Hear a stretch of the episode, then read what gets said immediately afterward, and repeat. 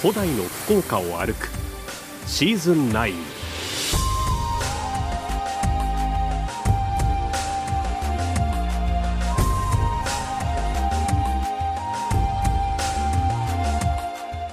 遥かな昔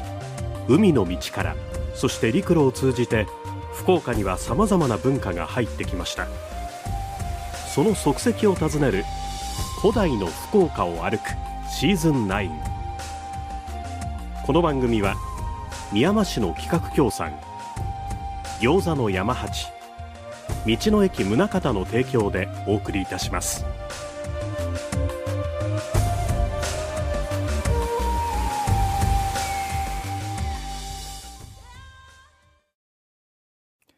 こんばんは坂田修大です。今週は昨年好評だった糸島の伝説を紹介しながらその伝説地を訪ねる糸島の伝説地を歩くをお送りいたします。ご案内を糸島ふるさとガイドの皆さん三笘節代さん岩田久美子さん西本誠二さんそして糸島ふるさとガイド会長の吉丸克彦さんにお願いしました。まずこのところ注目されてきました糸島。その糸島とはどんな場所なのか三笘さんに伺います。糸島はですね今立ってる場所から、はい、えー、ぐるっと周りを見渡してもらっても、はい、どこの場所からぐるりと周りを見渡しても、はい、山が綺麗に見える場所なんですね、えー、その昔俗筑前、えー、筑前不時で、はい。えー、貝原越見さんが、はい。えー、糸島は私利司法よかところと私利司法って、ね、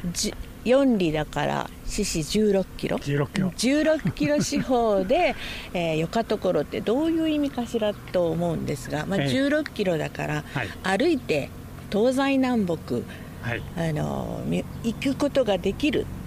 そういう意味だとも思うんですけれども山も近い海も近いという、はい、そういうことだと思うんですね、えー、で山が、えー、1000メートル級の山はありません。高い山でも。そうですね、はい、そうです。そんなに高い山ないんですよね、えー、そして、えー、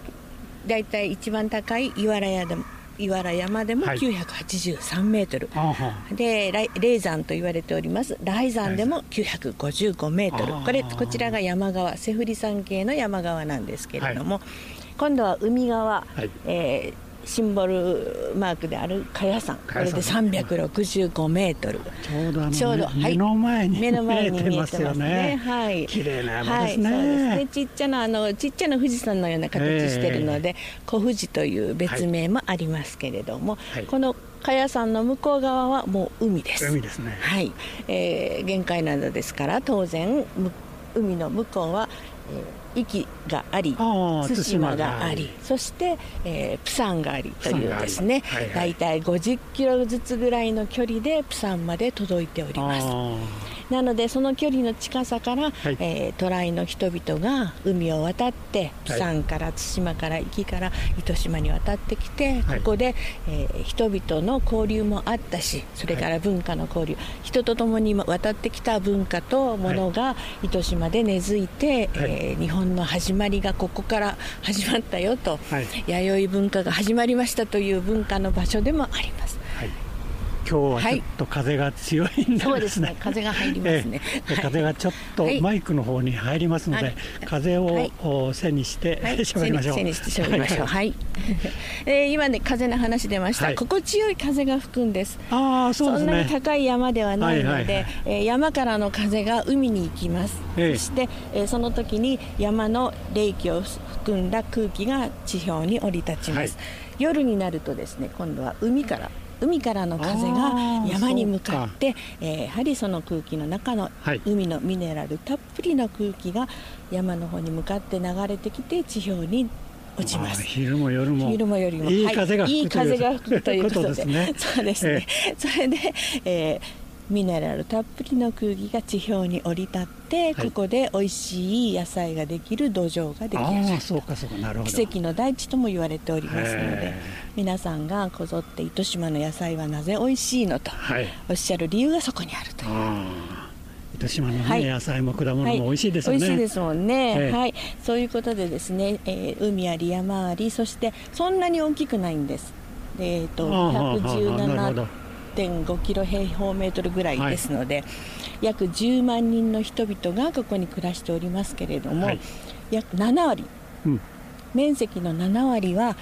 えー、山や畑や田んぼなんです。残りの3割に人々が暮らしておりますので、はい、自然豊かなのも名付けると思います。そういうことですね。そうですね。だからえー、っとですね住みやすくて、はい、美味しく美味しいものがあって、はい、しかも都会に近いんです。空港からだいたい40分、乗り換えなしで40分で福岡空港から糸島にはたどり着くことができます、はい、はい、アクセスの良さと、そういう生活環境の良さと、食べ物の良さ、そういうものがあって、えー、世界で暮らしやすい住みやすい、えー、住みやすい小さな土地都市、はい、輝く小さな都市世界第3位ということでですね。えー、と3年前ですかね。すごいですね。はい、世界第3位。はい、世界第3位というね、そういう称号をいただいた、あはい、もうまあ。そうですね。あの観光にいらっしゃるのもいいんですけれども住んでみてその土地でその空気と風と、はい、を楽しんでいただけるとより良さが分かるかなと思います。はい、はい、えー、それでは今日はこの糸島をですねえー、歩きながら、はい、糸島のいいところを吸収しながら、はい、えー、この糸島に昔から残る伝説なんかを皆さんに、えー、ご紹介していきたいと思います。今日もよろしくお願いします、はい、よろしくお願いいたします。えー、音楽が流れたところで早速糸島の伝説をご紹介していきます。なお糸島の伝説は糸島新聞社発行の改訂版糸島伝説集を参考にお送りします。まずお話を西本さんに聞きます、えー、糸島の伝説を訪ねて、えー、まずやってきたのがですね、えー、私森金六の墓というお墓小さなお墓40センチぐらいの、えー、小さなお墓がああるところにやってきました、えー、その横にはですねクスノキが1本56メーターのスノキが1本植わっております。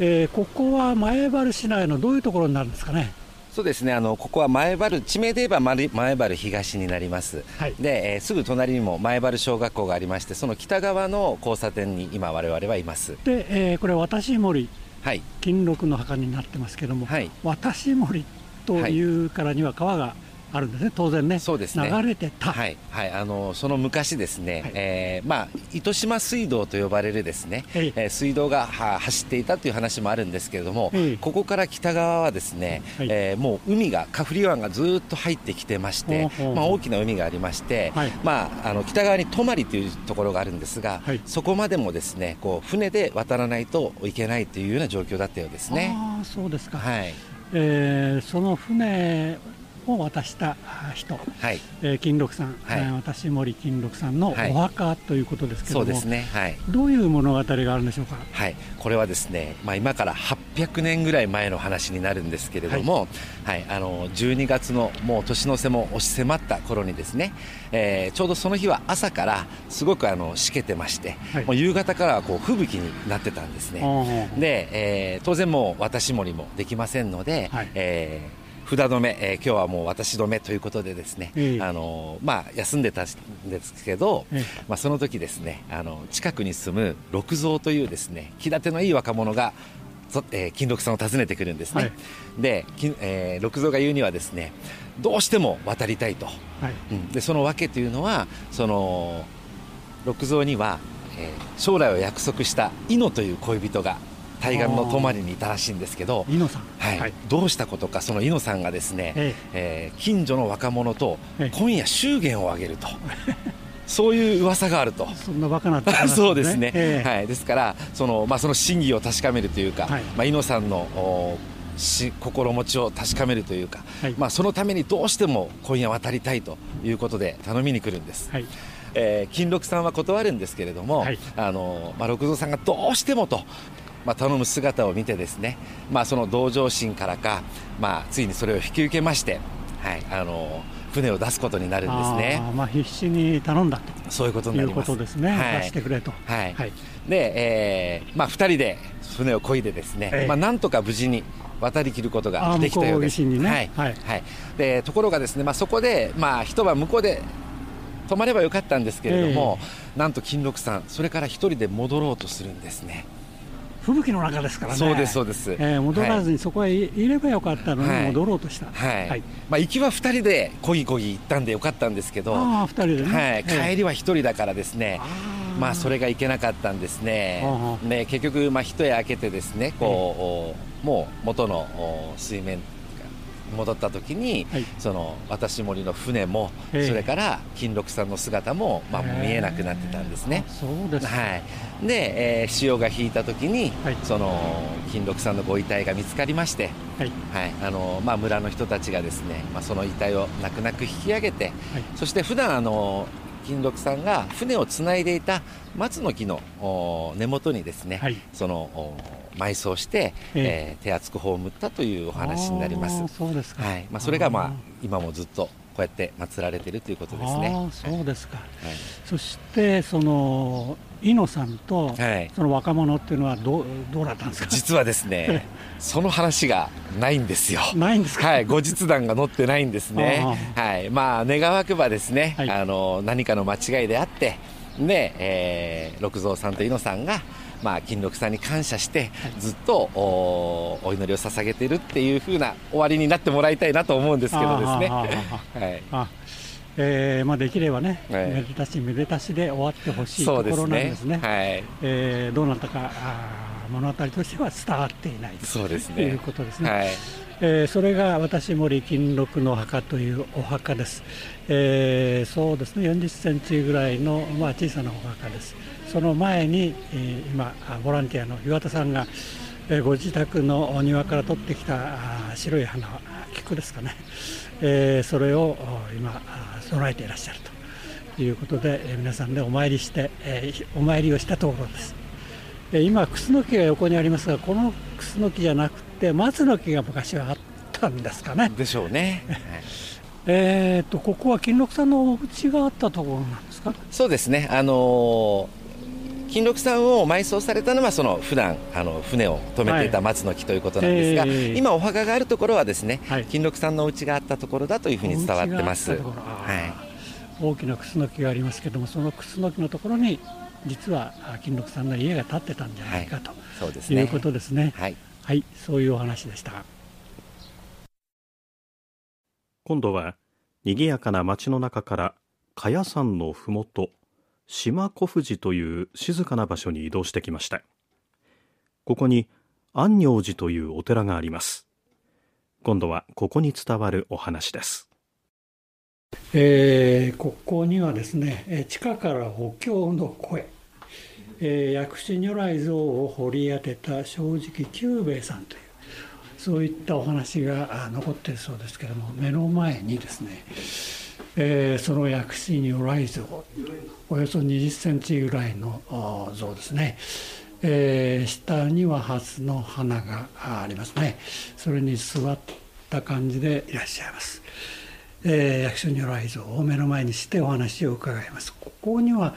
どういうふうなお話が残ってるんですか？はい、えー、ここはですね、えー、はっきりもう年代も書かれておりまして、はい、明徳3年といいますから1392年ですね、うんう。ん、今から600数十年前の話になりますけれども、はい、えー、ちょうどこの年がですねすごく長雨の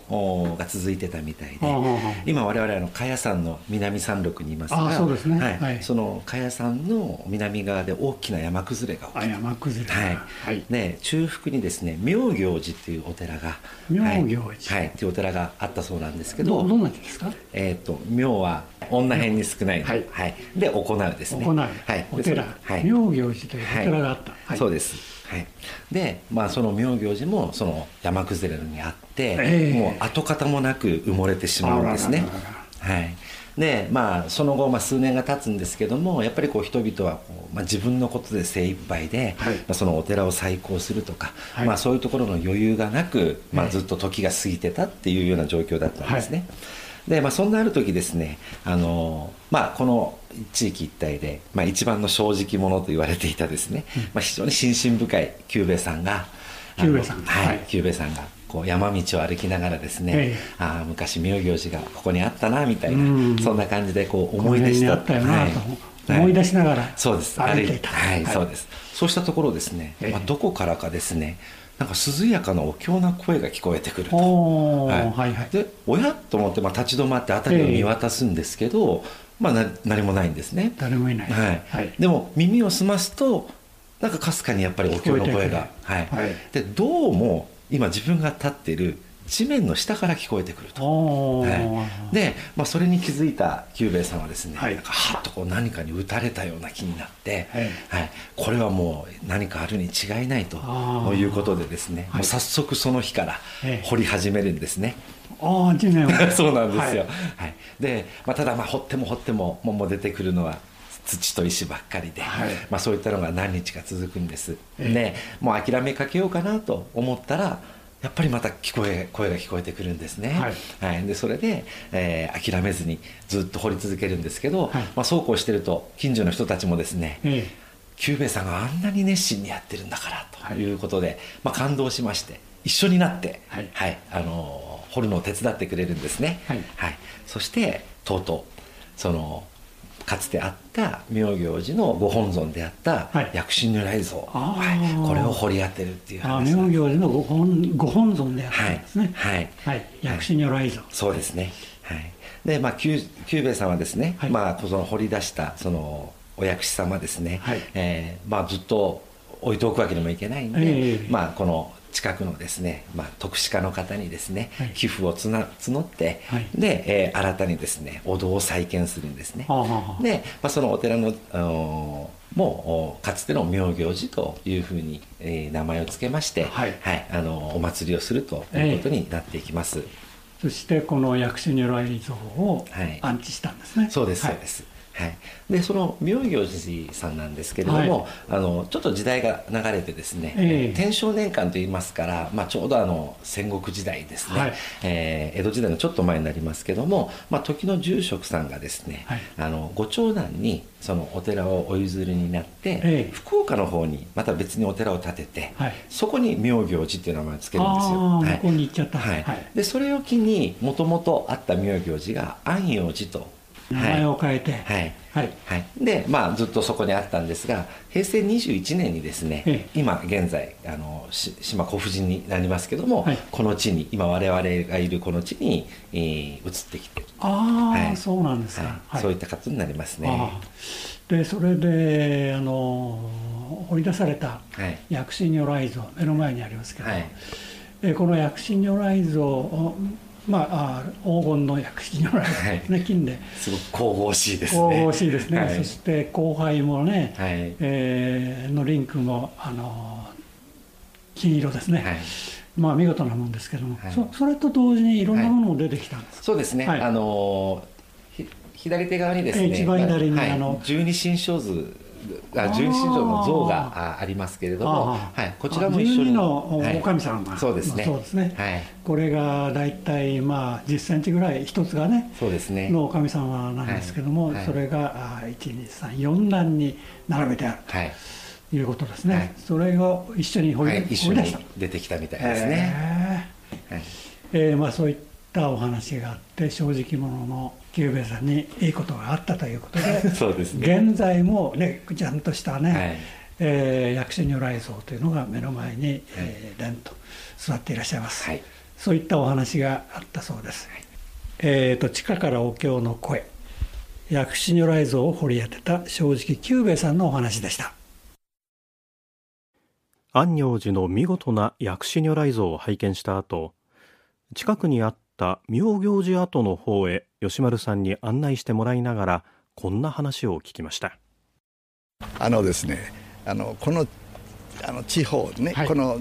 えー、あの周り、はい、で寺山っていうとこがあるんです、うん、それからあの下手っていうのはここですね、はい、で水戸っていうのはあのこの山のちょっとあの影になりますけどね、はい「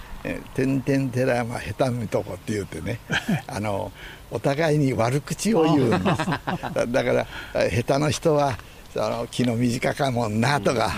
いろいろ言うんですよね。そういう言葉がね残ってるんです、えーえー、あそうですか。面白い言葉ですね、はい。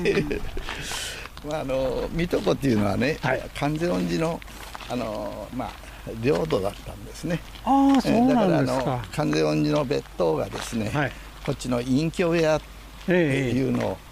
ここで作ってですね、ええ。ー、まあ、住んどったということなんです。あそうですか、はい。はい、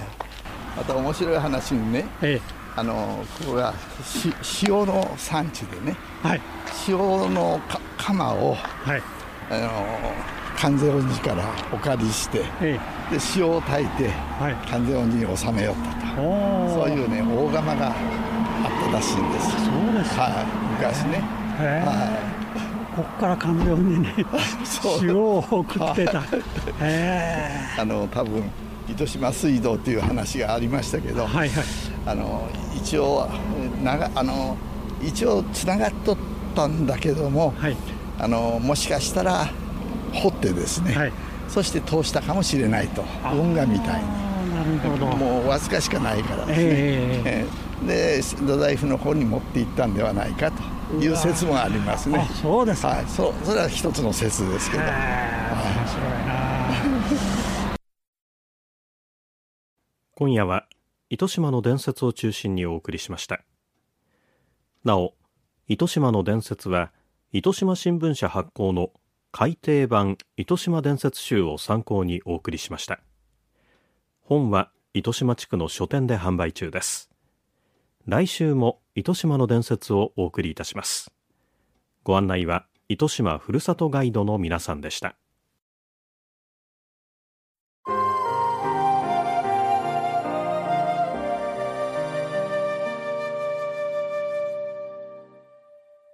ここで古代の福岡を歩くリポーターの中島理恵さんですこんばんは。こんばんは。今週は宮山市の今月の楽しい催しをお届けしようと思います。はい。まずは10月21日土曜日に日本酒のイベントがあるんですよ。タイトルが第7回筑後七国酒文化博。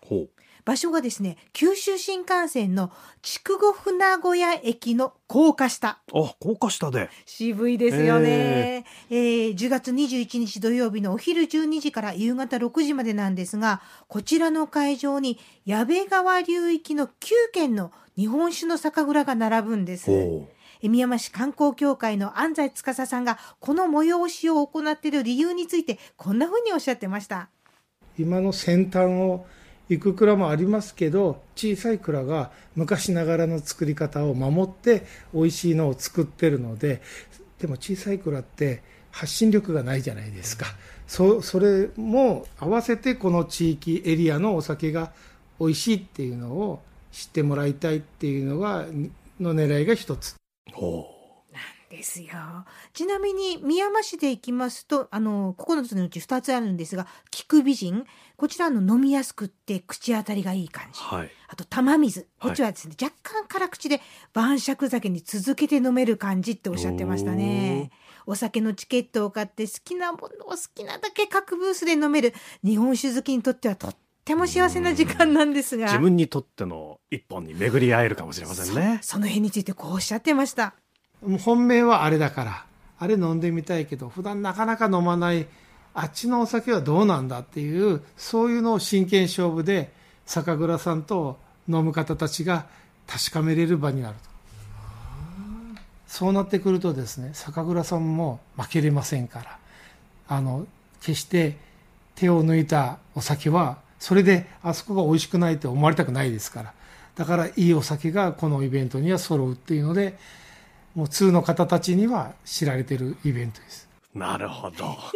そういうことですか。リキュールとか焼酎入れると全部で43タイプのお酒が並びますんで、はい、飲みがいありますよ。さらに地元のおつまみも用意されてますんで、この辺でキューッと秋の美味しい時間を過ごしてください。それからもう一つなんですが、はい、ファミリーで楽しみたいのが10月29日日曜日のイベントなんです。ええ、タイトルクスベイとハロウィンパーティー in 筑後広域公園フィットネスエリア。はい。えー、朝9時から、えー、午後の3時まで行われるんですが、この筑後広域公園のフィットネスエリアいっぱいにキッチンカーとかテントが並びまして、美味しいものがなったり、ワークショップできたりとか、クラフト小物が並ぶんですよね。で、あの、ミヤマルシェの実行委員会というところがやってるんですが、えミヤマルシェの実行委員会で田中洋館本舗の原田明子さんがこう言ってました。とにかく自分たちが食べたいものとか、あと珍しいものとか、ノリのいいキッチンカーのお兄さんに声をかけましたっていうパワフルな並びになりそうなんですが、こういったものの他にも、サップ、スタンドアップパドルボートですね。矢部川で遊ぶ体験とか、はい、BMX 自転車のイベント、あとスケートボードのイベントなども一緒に行われるんですよ。で、この、えー、ミヤマルシェ自体が子供たちと自然の中で一緒に遊ぶっていうのが基本精神なんですが、まあ、原田さんこう言ってました。福岡市内とか USJ、ディズニーに行くノリで、このフィットネスエリアに来てほしい。もう絶対仮装してきてっておっしゃるんです。中でも中学校の吹奏楽部が出演してるんですが、ここを柱にしたこんな時間がおすすめだと言います。あの私たちの世代いまいちわかんないんですけど、ジャンボリミッキー、ジャンボリミッキーっていう音楽テーマ曲があるそうなんですよ。これって小中学生がみんな踊れるそうなんですよ。なんか運動会とかで私たちがオクラハマミキサーを 世代違います？世代こっちか一緒かな？オクラハマミキサーをね踊ってたようにジャンボリミッキーを今踊るそうなんですよ。それで吹奏楽の子たちにそれを演奏してもらってでフラッシュボブみたいに急にそれが演奏が始まるとみんながバーッと会場に集まってジャンボリミッキーを踊る。仮装して。っていうのが一つ一体感になるだろうということで、これを一番楽しんでもらいたいなと。これは盛り上がりそうですね。大きな声で笑って走り回ってこの3年間みんな子供たちがそんなの我慢してたって、えー、本業の田中洋館本舗で出してるかき氷の蜜の味を子供が選べないっていう現実にやっぱ衝撃を受けたんですってお祭りに行ってないからかき氷がわからない。もうそんな子供たちの日々を解消してみんなで元気に遊ぼうよっていうそういう時間にしたいっておっしゃってました。シャトルバスの運行もあります。えー、井戸綱のイベントも詳しいことは宮山市のホームページなどでチェックしてください。中島理恵さんでした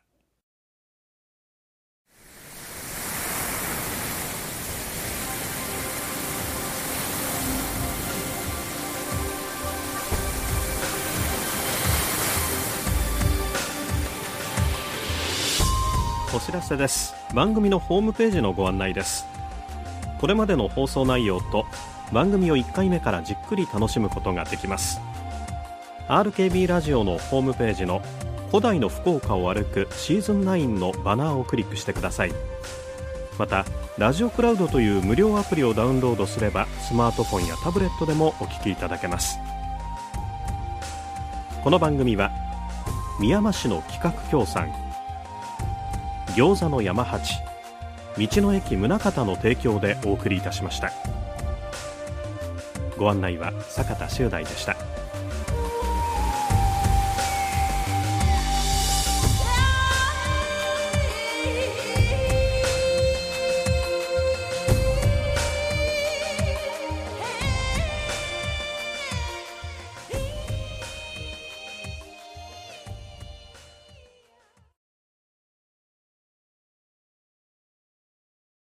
ここで Google ポッドキャストをご利用の方へお知らせです。Google ポッドキャストは2024年6月23日をもってサービスを終了します。引き続きこの番組をお楽しみいただくには、ラジコ、Apple Podcast、Spotify、Amazon Music、YouTube Music、いずれかのアプリをご利用ください。これからも RKB ラジオのポッドキャストをお楽しみください。